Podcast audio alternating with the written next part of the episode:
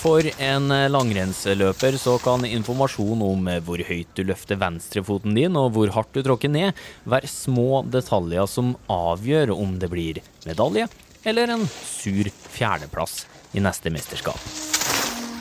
For en MS-pasient kan samme informasjon gjøre hver dag til en seier.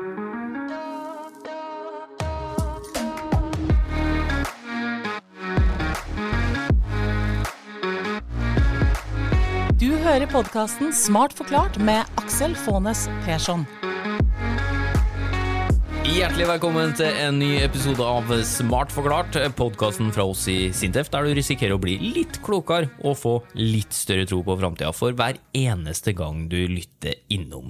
I denne episoden så handler det om sensorteknologi som både hjelper verdensmestere i skisporet og personer som har sykdommen MS. Og sammenhengen mellom de her vidt forskjellige utgangspunktene, det er det Trine Seberg som skal forklare oss, og, og kanskje kommer hun med noen tips som gjør at du som hører på blir litt raskere neste gang du er i skiløypa også. Såpass kan vi love det, Trine, kan ikke vi det? Ja, kanskje. I hvert fall hvis du gidder å øve. Ja, ok. Ja, det, er, det er litt sånn kjedelig det er. Skal du bli god, så må du trene. Men ok, sånn er det. Velkommen til Smart forklart, da. Tusen takk. Du er jo forsker eh, både for Sintef og NTNU, og har eh, vært en del timer ute i løypene med dyktige skiløpere de eh, siste årene. Hvor mange gull vil du si at forskninga til gjengen din har vært skyldig i? Nei, det er jo ikke så lett å svare på. Men eh, det som vi alltid prøver på, er at den forskninga vi gjør, den skal være mm, praktisk. Så at den skal være en slik forskning som kan være nytte for eh, folk i gata. Så både i skisporet og på sykehuset eller på rehabiliteringssenteret så eh, prøver vi å eh, finne ny informasjon som kan hjelpe folk. Men nå er du beskjeden, altså. Det finnes eh, verdensmestere som bruker forskninga deres til å bli bedre. Ja, siden du på en måte maser om dette med medaljer, så kan jeg jo fortelle en episode under sist eh, VM i Oberstdorf. eh, Og for flere av forskerne i prosjektet vårt, som heter Autoaktiv, eh, de har da jobbet direkte mot landslaget da, med Eivind Sandbakk og Jan Kokbakke i spissen. Og når Therese kom i mål etter å ha vunnet gull, så det første hun gjorde på NRK, var å takke Jan for, for hjelpen. Så det at forskninga vår er nyttig for å bidra til å gå raskere på ski, det er helt sikkert. Ah, herlig. Der fikk vi lokka deg litt ut. Jeg vet du egentlig ikke er så glad i å, å, å hausse opp egen forskning. Sånn er dere nå. Ofte dere er jo litt beskjeden. Og ja, Therese Johaug har jo selvfølgelig trent sine timer for å få til det gullet. Men det hjelper jo på da å få noen gode tips fra noen med, med litt eh, data som kan, kan bidra til at det går bitte litt fortere. Og la oss ta de her langrennsløperne først nå. Eh, Hva er det du bruker sensorer til i forskninga der? Jo, Der bruker vi sensorer til å måle tre ulike ting. Det ene er fysiologien, dvs. Si hvor hardt kroppen jobber. Eh, Og det andre er teknikken, hvordan man bruker f.eks. armer og bein. Eh, Og det tredje er ytelse, dvs. Si hvor fort man kommer seg fram. Eh, Så hvis vi går tilbake til dette med fysiologien, så er en av de enkleste tingene vi måler, er puls. Og det er sånn typisk mange lytterne som måler det på sin daglige trening. Ja, med pulsklokka blant annet. Yes. Ja. Du får ikke, det er ikke så lurt å bruke pulsklokker, da, for du må ha et sånt belte. Ah, Ellers så det, Der skrev jeg ned første tips allerede der, ja. Den kan du ikke stole på, den som er på armen din. Ok. Så dere bruker litt mer avanserte Ja, Det er jo ikke superavansert, men det er jo et sånt belte som du har rundt brystet, som måler eh, elektronisk. Der er, ja, du Ja. måler impedansen, eller motstand. eh, Det har så vi sett. Ja. Vi som har sett eh, Team Ingebrigtsen, for eksempel, har sett at de har det rundt brystkassa. Så kanskje første tips er at du ikke kan stole på den eh, pulsen som kommer fra håndleddet ditt. Notert. I hvert fall ikke når du trener. Og andre ting vi måler, er eh, oksygenforbruk. Dvs. Si hvor mye oksygen du puster inn. Eh, Og så har vi også målt dette her med oksygeneringsnivået på muskelnivå. Dvs. Si hvor mye oksygen som musklene klarer å ta opp. Eh, og så måler vi laktat. Den, det blir bare en sånn punktmåling, for at den, da må du stikke i fingeren og få ut litt blod, og så ha noen strips som gjør at du eh, kan få til tallene du er ute etter. Men det er noe som vet, sånn typisk eh, Team Ingebrigtsen, som du har sett på TV, de bruker eh, masse laktatmålinger for å sikre at de ikke jobber for hardt på trening. For man skal ha sånn medium hardt, sånn terskeltrening. Så ja, det er kanskje de, tingene som, de viktigste tingene som vi måler med hvordan kroppen yter. Så hvis vi går videre på teknikk, så måler man typisk da hvordan man beveger armer og bein og overkropp og om halv fall framover osv. Og, så og dette med kraft i stavtakene, f.eks. Her bruker vi eh, bevegelsessensorer mye, eh, men vi har også brukt noen noe kraftsensorer. Ja, er, liksom, er de plassert på alle steder på kroppen? de, Sånn som du ser når du lager eh, animasjonsfilmer, det, er ekte skuespillere, så ser du at de har på seg sånn drakt, og så blir det ja, eh, den animerte figuren. Er, er det litt det samme når dere sjekker teknikk? Jepp, det kan det være. Så det kommer litt an på hva vi vil finne ut, hvor mange sensorer vi måte gidder å sette på. For det å måle med mange sensorer tar jo mer tid og stor, mer rom for feil enn å måle med få. Så hvis vi trenger mange detaljer, så setter vi på sensorer på mange steder. Ja. Eh, så, og bruke det rett og slett for å se hvordan eh, den utøveren beveger på forskjellige ledd, eh, forskjellige deler av kroppen. Ja. ja. Altså når vi går på langrenn, så er det, det er jo en ganske kompleks idrett. Når du løper, så du, gjør du på en måte litt den samme tingen hele tiden. Men i langrenn så har vi jo det som vi kaller mange forskjellige delteknikker. Så du, I klassisk har du typisk du har staking, og så har du diagonalgang og dobbelttak med fraspark. Og på skøyting har du sånn enkeldans og dobbeldans osv. Så, videre. så Så det første vi må begynne med på langrenn, er jo å detektere hvilken delteknikk de går med.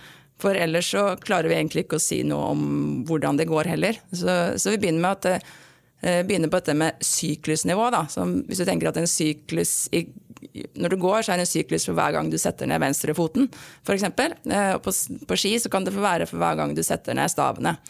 Så da detekterer vi de syklusene, og så finner vi ut eh, hvilken, automatisk da, hvilken delteknikk de jobber med. Og så kan du gå videre og si hvor lang var denne syklusen, eh, hvor langt kom de på denne syklusen, og eh, hvilken frekvens de har. Eh, og så videre. Men, men, hvor detaljert går dere, da? Altså, det, det, du løfter hæla bitte litt for lite, liksom, eller er det ja, vi har jo også jobbet ned på det nivået, så må vi se på eh, ting inni syklusen. Eh, F.eks. hvor mye du eh, Tida du har skia i bakken, hvor mye du glir og hvor mye du jobber. Det er en ting. Eller det kan man si på løping også, så måler man jo noen pulsklokker i dag. Kan jo også måle hvor lenge du har foten i bakken. Eh, og det vil jo typisk variere med hvor raskt du løper, eller hvor raskt du går på ski. Mm. Og for deg som sitter nå da bare venter på at du skal få vite hvor eh, ofte du må sette den stava ned i bakken for å få best mulig eh, resultat på neste treningsøkt eller løp, da. Ja, Da skal vi komme tilbake til det, men nå avbryter jeg jo midt i de reglene. Jeg bare fortsetter, Trine. Eh, ja, bare for å gjøre oss ferdig med dette med teknikken, så kan jeg fortelle at vi har brukt eh, staver med kraftmåleri eh, og gjort dette innendørs i lab. Og da har vi kontroll på hvor fort det går osv., slik at da kan vi regne ut hvor mye kraft som kommer fra stavtak, og hvor mye kraft som kommer fra skipush, som vi kaller det. Og da kan man se på hvordan dette endrer seg da, fra starten til slutten av en økt, f.eks. når utøveren blir sliten. Og det vi kanskje har sett der, er at uh, man ofte så går man ganske hardt ut med, med bruk av overkropp. Da. Etter hvert så blir man veldig sliten, og så tar beina mer over. Det tenker jeg er kanskje noe som skiløpere kan være bevisst på, da, eh, om man ønsker å spare beina til slutten eller overkroppen til slutten. Ja. Det er utrolig mange detaljer du sitter på da, om hver enkelt utøver som er med på et sånt prosjekt. Men så var det tredje og siste punkt? Ja, eh, det er dette med ytelse. Eh, når vi er inne i laben, så bruker vi da typisk farten på tredemølla og vinkelen for å si eh, hvor raskt man kommer seg frem.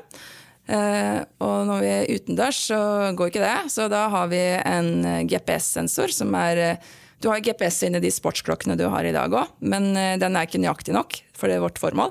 Så da har vi en GPS-sensor som er mer høyoppløselig, som vi har på ryggen, slik at den kan se satellittene her oppe. Har åpne, åpent vindu til dem. Eh, og så da kan vi finne ganske god nøyaktighet på hastighet og eh, hvor skiløperen går, og hvor bratt bakken er, osv. Eh, I f.eks. i sykkel så har du jo kraft, eller altså power-målinger i pedalene. Og det er ikke så lett på langrenn, fordi at du går jo ute, og det er forskjellig føre osv. Så, videre. Så det har vært en del forskning på dette med å måle power i langrenn, men, men der er man ikke i mål ennå. Men du var jo inne på en del av de svarene dere har fått. Da. Så, hvilke andre svar kan du dele med oss? Ja, jeg har lyst til å dele noe som vi har jobbet mye med, og det er hvordan du skal uh, tjene gratis uh, sekunder. Oi, det er alltid bra. I langrenn så er det jo, hvis du ser på TV-en, så er det jo det er veldig liten tid som skiller de beste fra det neste beste, og det kan være på tideler og i hvert fall sekunder. Så, så, det å kunne knipe tid der det er mulig, det er jo svært viktig. Og det kan jo også gjelde for deg når du skal slå naboen på Birken. ja, eller bare på en vanlig treningsøkt? Ja, det òg. Ja. Mm. Så det vi har jobba med der, er hvordan du skal gå opp en bakke, og særlig da hvordan du skal jobbe på toppen av bakken for å ta med deg mest mulig fart i nedoverbakken etterpå. Eh, og det har man jo jobba mye med på landslaget. og man, Jeg vet at både juniorer og seniorer de drar jo typisk i løypa dagen før igjen og, og øver på segmenter der. Men eh, det som vi har gjort nytt nå, er at vi bruker da objektive data fra sensorer til å gi eh, utøveren et konkret bilde på hvor, hvor mange sekunder han kan spare akkurat i den bakken, og hvor langt, mye han taper da i forhold til de beste. Og så bruker vi det til å endre atferd. Uh, og da blir det veldig mye lettere å, å, forstå hva man egentlig skal gjøre. Ja, så Å endre atferd her betyr altså å endre måten du da går den bakketoppen på? Ja. ja. Og hvordan, hvordan gjør dere det der, da? Nei, så det som vi instruerer er at eh, de skal gå oppoverbakken da jevnt og trutt først, men ikke gi alt der. Og så når de kommer over toppen, så skal de da sette inn en sånn eh, litt sånn hard og brutal akselerasjon, men veldig kort, eh, sånn at ikke den koster så mye. Og med to-tre gode stavtrakk før du setter deg kontant ned i hockey. Eh, og så eh, Dette her er jo i det NRK-programmet, jeg vet ikke om du husker det, fra Vitenskapen bak medaljen. Der jobbet jo Didrik Tønseth med dette her, med disse forskerne fra prosjektet vårt. Og, men vi har ikke da funnet, jobbet eller eh, vist vitenskapelig da, at dette virker. Men det fikk vi muligheten til å gjøre nå i, i vår. Så var vi i Meråker og testa på en gjeng med veldig gode skiløpere der. Eh, hadde et intervensjonsstudie hvor halvparten fikk opplæring i den teknikken, og halvparten fikk ikke det.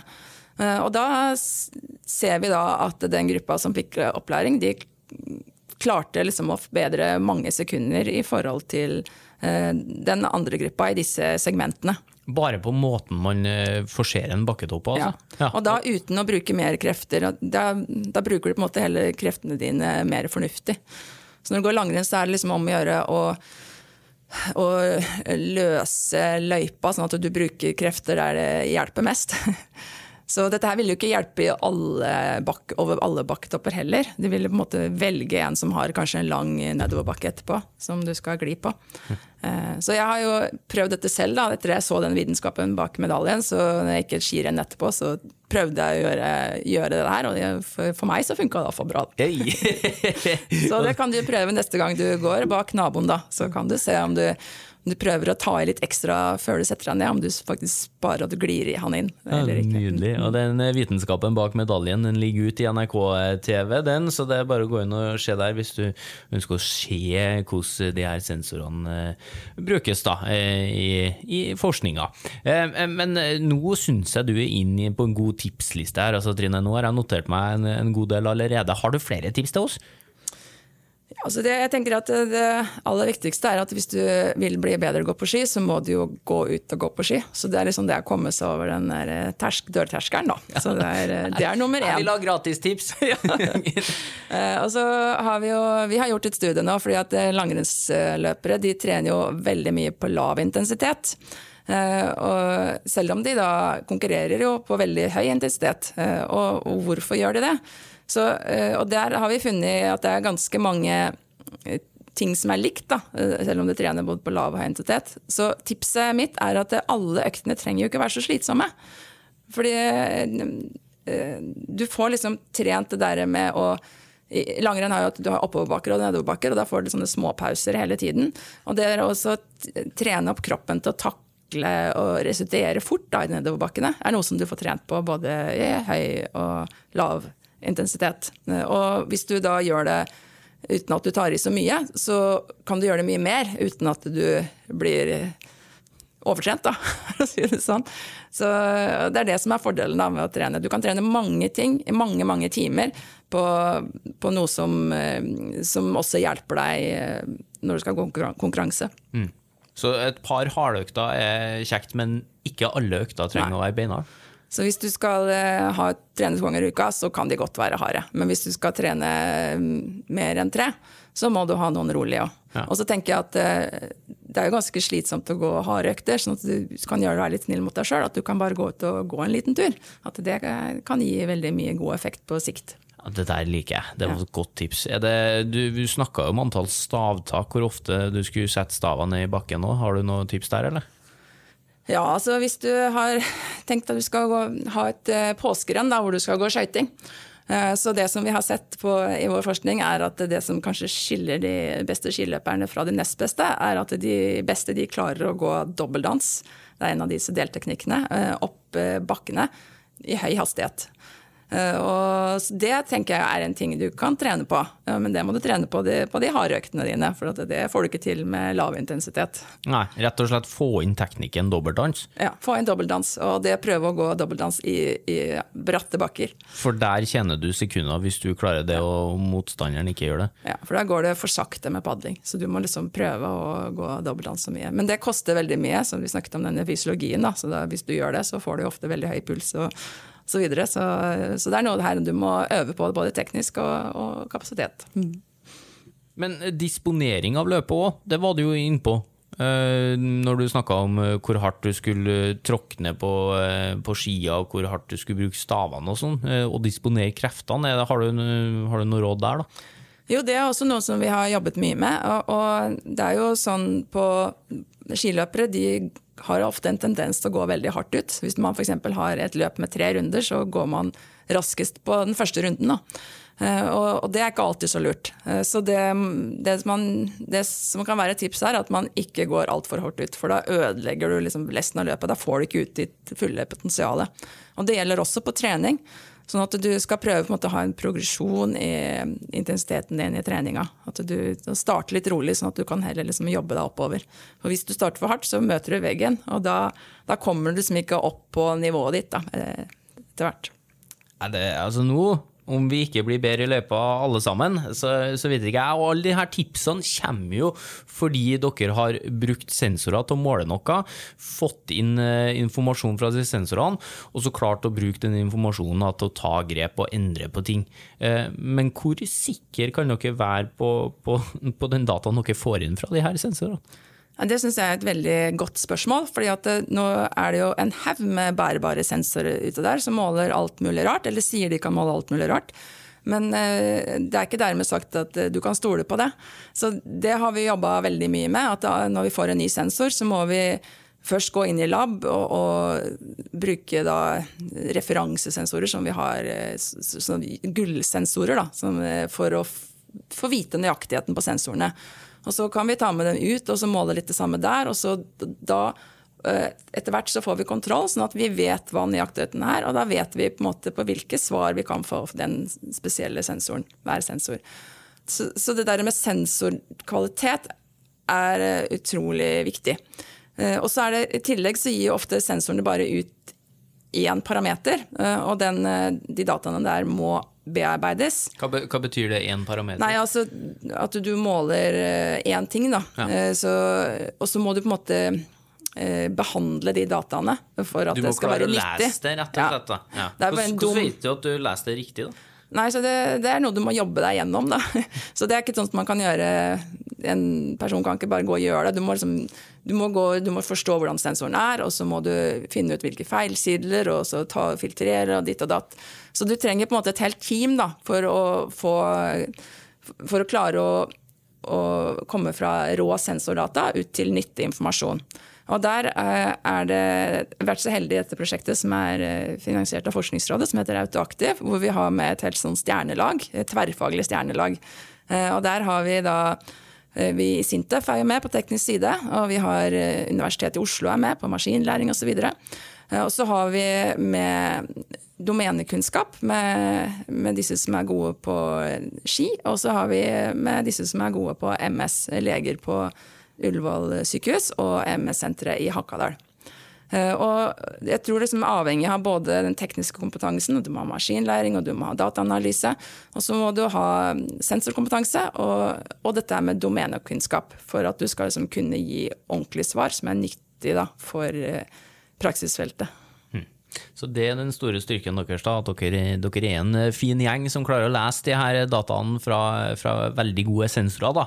Eh, det, men det bringer jo også over på, på den andre brukercasen, som det heter da, på, på fagspråket. Altså over til de andre som dere kan, kan hjelpe med de her sensorene eh, deres. Eh, MS-pasienter. Altså, for å ta det først, da, hva er MS? Hvilken sykdom er det? Jo, MS er forkortelse for multiple sklerose, eh, og det er jo en eh, nevrologisk sykdom som rammer relativt unge mennesker. Så den brytes ofte ut mellom 20 og 35 år. Og det er en kronisk sykdom som du fall som det er ikke så lett å bli kvitt, eller som du ikke blir kvitt, som du lever med. Eh, Og det er det om å gjøre å leve så godt med den som mulig. Så, og for sykdommen MS da, så er jo dette med redusert gangfunksjon er en av de vanligste symptomene. Og, og som det kan du bidra til sterkt redusert livskvalitet. Du kan jo tenke deg selv om hvis du da ikke eh, skulle klare å hente deg en kopp kaffe selv, eller om du går, ikke tør å gå rundt i leiligheten din for at du er redd for å falle. Så denne, denne forskningen på MS den bunner jo på en måte i et sterkt ønske om å oppnå, oppnå framskritt i behandlingen eh, og oppfølgingen for eh, personer med MS. Så vi, det vi har jobba med her, er å prøve å fange opp og måle og dokumentere endringer i tilstanden til personene tidligere enn vi kunne før. Da. Ja, for hvordan bruker dere eh, sensormetodikken da, i, i, i dette tilfellet? Jo, I likhet med for skiløperne så er det jo tre ting man kan måle. Man kan måle fysiologi, man kan måle teknikk, og man kan måle ytelse. Eh, Og her i dette MS-caset så har vi ikke jobba så mye med fysiologi, eh, for det er ikke der skoen trykker, men vi har jobba med teknikken. eh, Og da spesifikt hvordan man går. Eh, For i dagens eh, Hvis du skal gå til legen og finne ut hvor, hvor godt du fungerer, så bruker man eh, typisk en sånn seks minutters eh, gangtest, og hvor man rett og slett har eh, den sensoren man har er en stoppeklokke og målebånd for å se hvor langt man kommer på de seks minuttene. Og, det, dette betyr at man er jo helt avhengig av hvor god den legen eller fysioterapeuten er da, til, å, eller til å se eh, hvordan din gangfunksjon er. Eh, F.eks. hvordan pasienten lander på foten, om de er trygge på beina, om de sparker nok ifra. Ja, Det må legen eller fysioterapeuten bare stole på seg sjøl og Ja. tenke at der så det ut som du tråkka litt feil. Ja. Der, ja, det ser og, ut som du sleper litt på venstre fot. Ja. Og en dyktig fysioterapeut eh, kan sikkert klare det, men eh, jo, det, objekt, det, det blir jo veldig subjektive meninger, eh, og ikke alltid rett korrekt. Så det er å ha objektive mål fra sensorer som kan støtte eller avkrefte da, den, det som fysioterapeuten tror, er kjempeviktig. Ja, for, for hvordan bruker man sensorene da? Jo, eh, så akkurat som for langrennsløperne så bruker vi akkurat de samme bevegelsessensorene her, eh, IMU som vi kaller det. Eh, og da putter vi de på forskjellige steder på kroppen, f.eks. på føttene og på hofta osv. Og, så videre. og så gjør vi de samme testene. Eh, og så har vi da et, fullført et sånt stort studie nå på MS-senteret i Hakadal på mange personer med MS, og da har hatt en kontrollgruppe også. Og da har vi funnet måte, noen grenseparametere for hva, liksom, hva hvor mye bør du sparke ifra for å ha en bra nok gangfunksjon, kan man tenke seg da. Eh, Og en spesifikk eh, parameter som vi har funnet som korrelerer godt da, med hvor langt du kommer deg, er liksom rett og slett det der hvor mye du sparker ifra. eh, Og hvor vinkelen i ankelen. Og, da, og dette kan jo da fysioterapeuten bruke direkte da, på den målet på en, på en person som har MS. Så kan han si ok, jeg ser du sparker ganske godt fra med høyrefoten, men venstrefoten den var jo mye dårligere. Også foran den var bare så og så mange grader i vinkelen i ankelen, mens den andre. Så du ser en store, store sideforskjeller. Og, dette, og det kan han vise figurer da, til pasienten, og så kan de da med en gang da få, få et sånt bilde inn i hodet sitt om hvordan de skal klare å, å endre atferden sin. Da. Akkurat på samme måte som på skiløperen som skal over bakketoppen. Så dette MS-senteret Hakadal er jo et rehabiliteringssenter, og da kan de på en måte trene på dette her under, under oppholdet. Eh, sånn at eh, Og så har vi testa på slutten, og så ser om de forbedrer seg osv. Ja, Funker det da? Ja, det er jo det er litt for tidlig å si. Vi kan ikke eh, vitenskapelig bevise at dette virker, sånn som vi har gjort for langrennsstudiet, for vi er akkurat ferdig med å samle inn dataene. Men eh, det som er helt sikkert, er at eh, fysioterapeutene og legene som har samlet inn disse dataene, syns det har vært eh, veldig nyttig å kunne bruke disse eh, objektive sensorene da, til, til, å støtte eller avkrefte det de tror da, om denne personen, som, for å hjelpe dem eh, der og da med å kunne gå mer stødig og raskere. Eh, og det som er veldig spennende, er jo at det er jo stadig mer forskning som viser at fysisk aktivitet er svært viktig for personer med MS. Det gjelder også andre sykdommer, men nå vi, snakker vi om denne, denne gruppen. Da. Eh, og vi ser at den kan påvirke både dette med fatigue, så det er liksom hvor, hvor, det er sånn en slags utbrenthet da, som man kan få ut fra mange sykdommer. Og det kan hjelpe på den mentale biten, det kan hjelpe på balansen, og det hjelper for at man faller mindre, og andre sånn motoriske funksjoner, det å kunne drikke stødig osv. Men da, hvis man skal kunne trene mye med MS, så er man på en måte avhengig av å kunne bevege seg godt, eh, så at man ikke faller, for da, da blir jo motvirker det sin hensikt. Da blir det liggende. Så, så man, man, lurer også faktisk på om, om fysisk aktivitet kan bremse sykdomsaktiviteten. Det er jo ikke bevist det heller, men det er noe man lurer på. Så, så for å oppsummere, da, så er dette det der å, å, for personer med MS å kunne få en mer selvstendig gangfunksjon, det er svært viktig og kan gi gode, store fordeler. Mm. Og sensorer er noe av det som kan hjelpe oss med å, å, få svar på hvordan det kan fikses på en bedre måte. Da. Eh, og det er jo alt du har snakka om her nå med sensorer og det det kan hjelpe oss til. Altså, hvordan tror du den eh, bruken av sensorer vil utvikle seg videre på, på sånne ting som det her, tror du? Jo, Det er der jeg egentlig er veldig fornøyd med dette prosjektet. For nå har vi kommet så langt at vi har, liksom, vi har, god nok nøyaktighet, og vi vet litt grenseverdier på ting. Og da kan vi eh, bruke sensorene til å endre atferd. Eh, for skiløperne eksempel, så hadde dette eksempelet som vi, hvordan vi jobba over eh, bakketopp for å spare gratis sekunder. Eh, og for eh, MS-pasienten så var det dette her med hvordan de skulle sparke ifra for å kunne gå lenge på hvert skritt og der komme og få en mer selvstendig gangfunksjon. Eh, og det er det som, er, som jeg egentlig brenner for, da. Og det som vår avdeling på Sintef brenner for, det er å gjøre sensorer nyttige. Glimrende. Og så får du nesten bare komme deg ut i skiløypa igjen, eh, Trine, eller inn på laboratoriet eller på legekontoret, hvor enn du er med sensorene dine, og fortsette denne viktige forskninga sammen med, med gjengen din. Tusen takk. Det var veldig artig å komme her og få lov å snakke om dette. Ja, Veldig trivelig å ha på besøk. Og så skal vi ha deg i bakhodet neste gang vi heier på langrennsheltene eh, på TV-skjermen, eller kanskje går ut i skiløypa sjøl, da. Og tusen takk også til deg som eh, hører på oss. Hvis du vil ha mer forskningsstoff, så finner du masse nyttig på sintef.no, gemini.no, Sintef-bloggen, eller ved å følge oss på Facebook, Instagram eller LinkedIn. Og spre gjerne ordet om eh, Smart forklart, da. Hvis du liker det vi lager, så er det flere som får mulighet muligheten til å eh, bli litt klokere og få litt større tro på eh, framtida. Nye episoder fra oss eh, kommer om ikke så altfor lenge, og i ventetida fram til da skal forskerne her i Sintef fortsette å utvikle teknologi for et bedre samfunn.